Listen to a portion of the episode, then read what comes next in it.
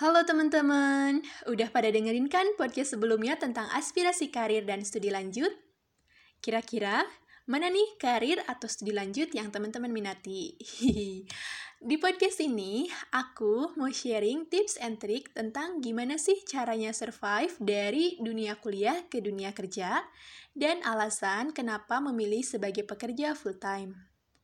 Tapi, sebelum kita memilih dunia kerja, ada beberapa hal yang harus kita perhatikan nih. Yang pertama itu, teman-teman harus mengubah pola pikir teman-teman dari pola pikir di dunia kuliah ke pola pikir di dunia kerja. Hmm, gimana ya caranya? Tenang teman-teman. Di sini aku juga akan sharing tentang gimana mengubah pola pikir dari dunia kuliah ke dunia kerja menurut Chloe. Jadi, caranya itu ketika teman-teman sudah berada di dunia kerja ataupun di sebuah perusahaan, tanamkan mindset bahwa teman-teman itu investasi berharga untuk perusahaan. Lalu, teman-teman terlibat aktif dalam kelompok-kelompok yang akan membantu mengembangkan kemampuan teman-teman. Tidak lupa juga, teman-teman terus berinvestasi dalam diri teman-teman dan untuk masa depan teman-teman dengan cara terus mengembangkan hard skill atau soft skill teman-teman. Cara terakhir yang pastinya tidak kalah penting yaitu teman-teman menemukan hobi dalam hidup teman-teman dan juga berusaha untuk menjalankan hidup yang seimbang. Selain itu, teman-teman juga harus menentukan nih di dunia kerja itu akan magang atau full time. Jadi, menurut Ashley Papagno, dengan bekerja full time, teman-teman dapat membangun pola pikir internal teman-teman yang terdiri dari jaringan, kredibilitas, dan karir secara lebih luas. Sebagai pekerja full time, dalam membangun jaringan, ada dua cara yang bisa teman-teman lakukan nih, yaitu membangun jaringan dengan orang-orang yang ahli di bidang tertentu dan mendapatkan sponsor teman-teman harus mengelilingi diri teman-teman dengan orang yang ahli pada berbagai basis pengetahuan yang berbeda.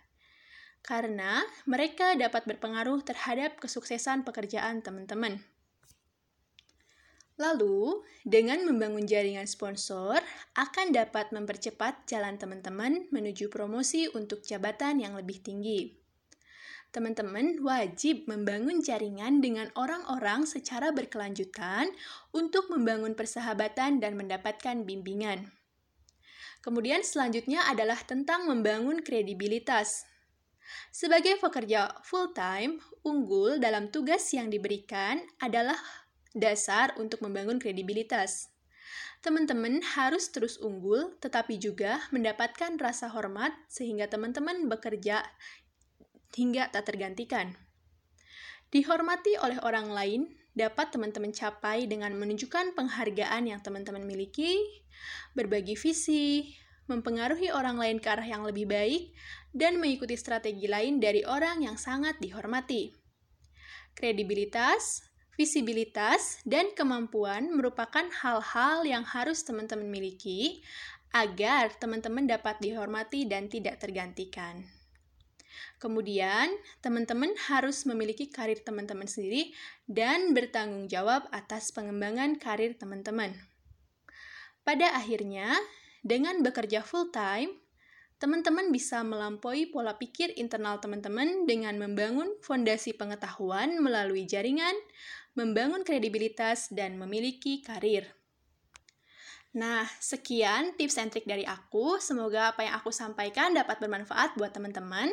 Dan jangan lupa untuk stay tune terus di podcast ini karena akan ada episode-episode menarik selanjutnya. Dadah, teman-teman.